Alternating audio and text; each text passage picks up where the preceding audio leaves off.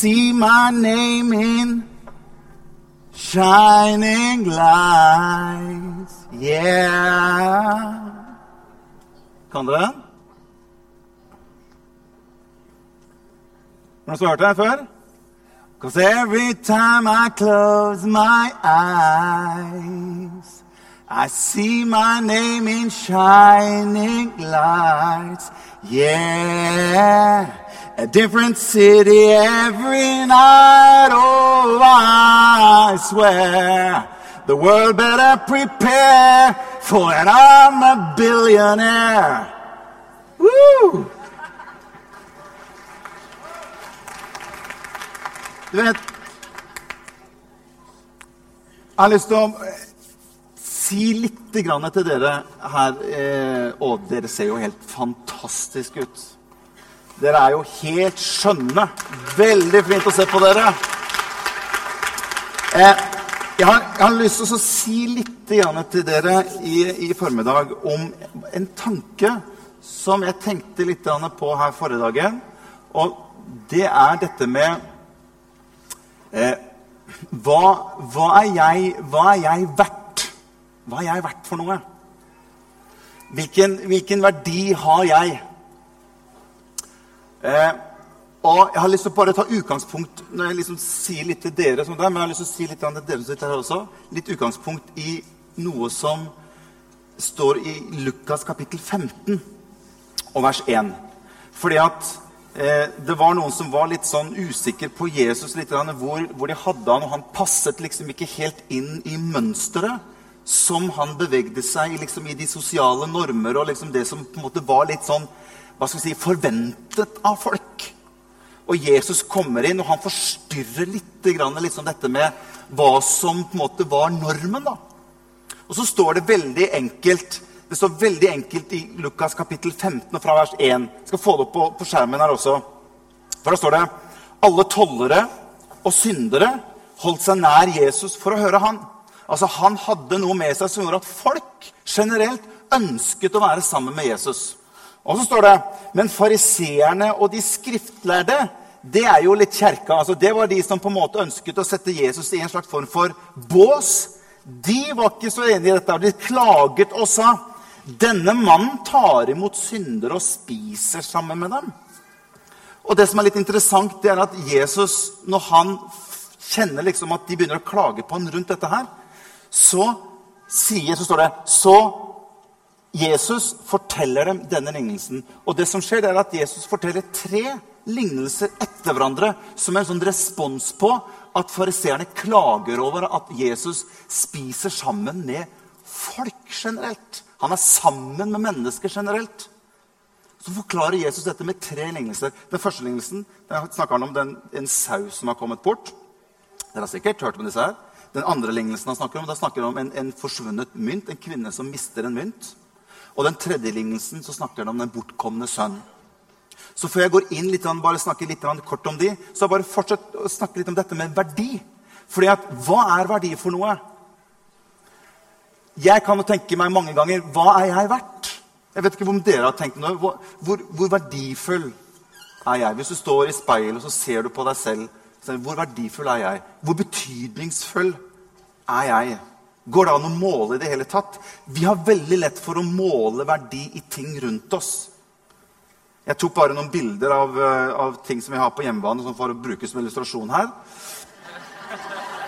Eh, så Den bilen henta jeg i går, forresten. Og du vet at Oppe der var vel jeg, meg og Anette var i Rom for noen dager siden. Stemmer det?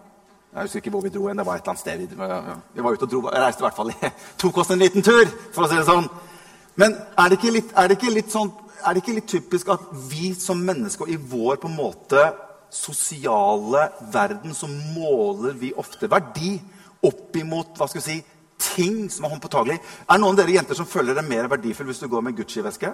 Er, er, det liksom åh, Hvis du kan få på deg en sånn Gucci-veske, da føler jeg meg verdifull. Eller hvis gutta, hvis vi hadde vært og henta den bilen der da, og kommet hjem, eller kom på skolen med den dagen etterpå, hvor fett hadde ikke det vært? da tar du et par runder ekstra bare liksom for å sjekke liksom at eh, folk har fått med seg at jeg har fått ny bil. Vi måler verdi. Og ikke bare sånne ting som dette. her, tenker Jeg Jeg tenker på sosial status. kan også være det som vi måler som en type verdi. Altså, Hun og han de har en kjempehøy utdannelse, de er veldig dyktige og de er veldig smarte. Og så setter vi verdi på enkeltting som vi har blant oss selv. Det er liksom sånn, det er, det er liksom noe vi måler verdi ut ifra. Og Jeg er ikke så sikker på om det alltid er veldig smart. Jeg er, ikke, jeg er ikke sikker på om det alltid er veldig riktig å gjøre det. Jeg slo opp ordet 'verdi' i Wikipedia. Så se hva som står i Wikipedia om verdi. Der står, skriver Wikipedia at at noe har verdi i seg selv, innebærer at det ikke kan begrunnes ut ifra noe annet.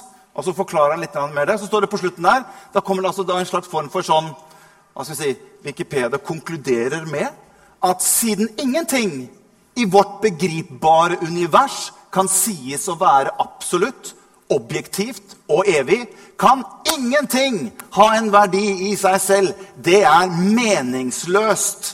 Det er konklusjonen som Wikipedia skriver om verdi. Og da må jeg si jeg er absolutt ikke enig i den konklusjonen. Og det er noe av det som jeg tenker på når jeg går rundt for meg selv. tenker jeg, Hvor verdifull er jeg? Og hva er det som gjør meg som menneske verdifullt? Og hvordan på en måte passer jeg inn? For vi har en tendens til at vi lærer oss fra vi er ganske små, at du må gjøre nøtte for deg.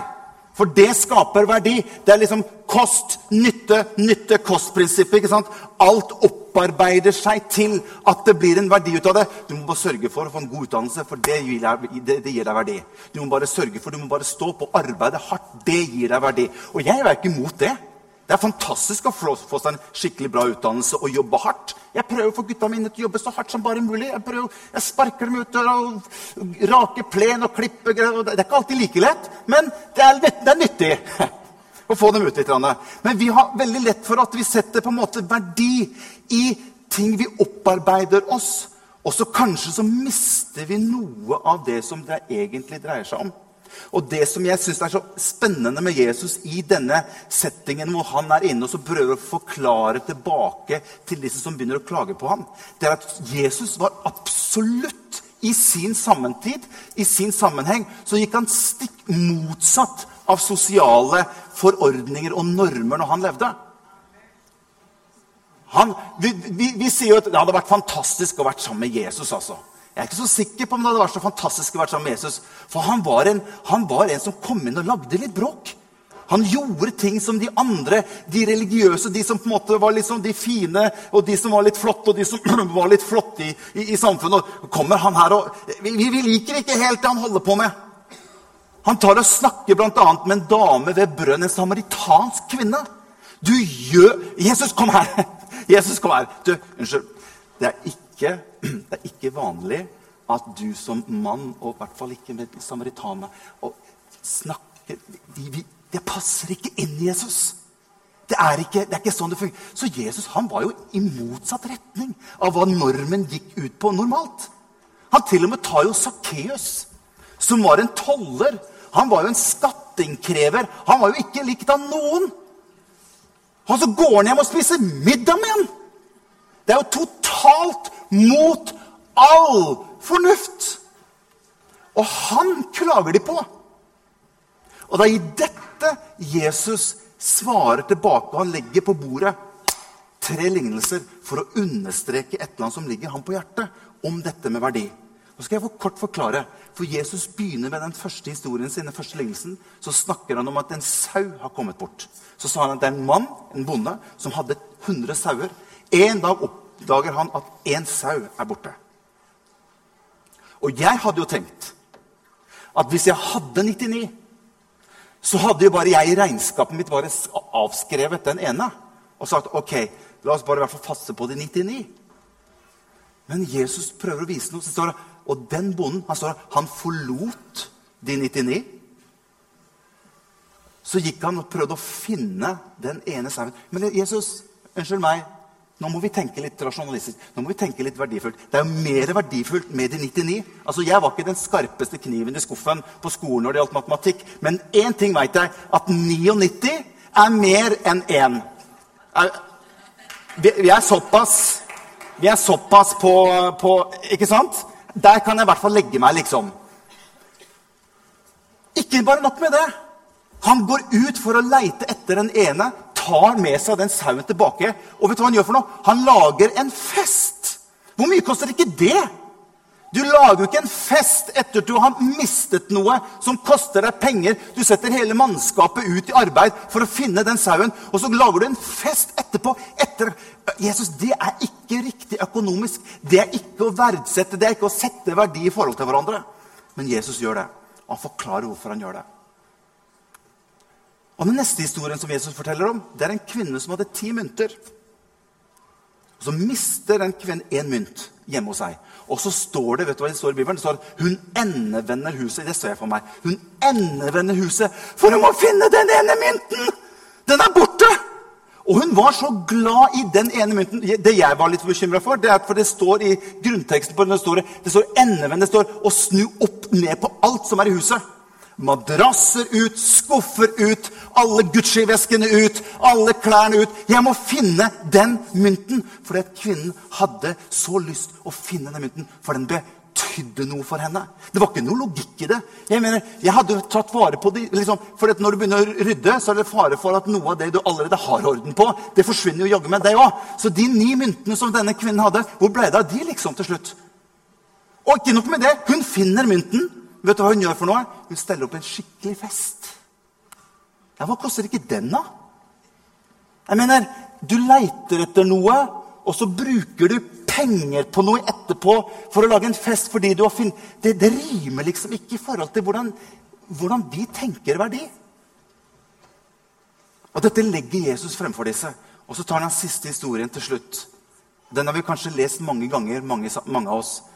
Det er den sønnen som kommer til faren sin og sier du, jeg vil ha min del av arven.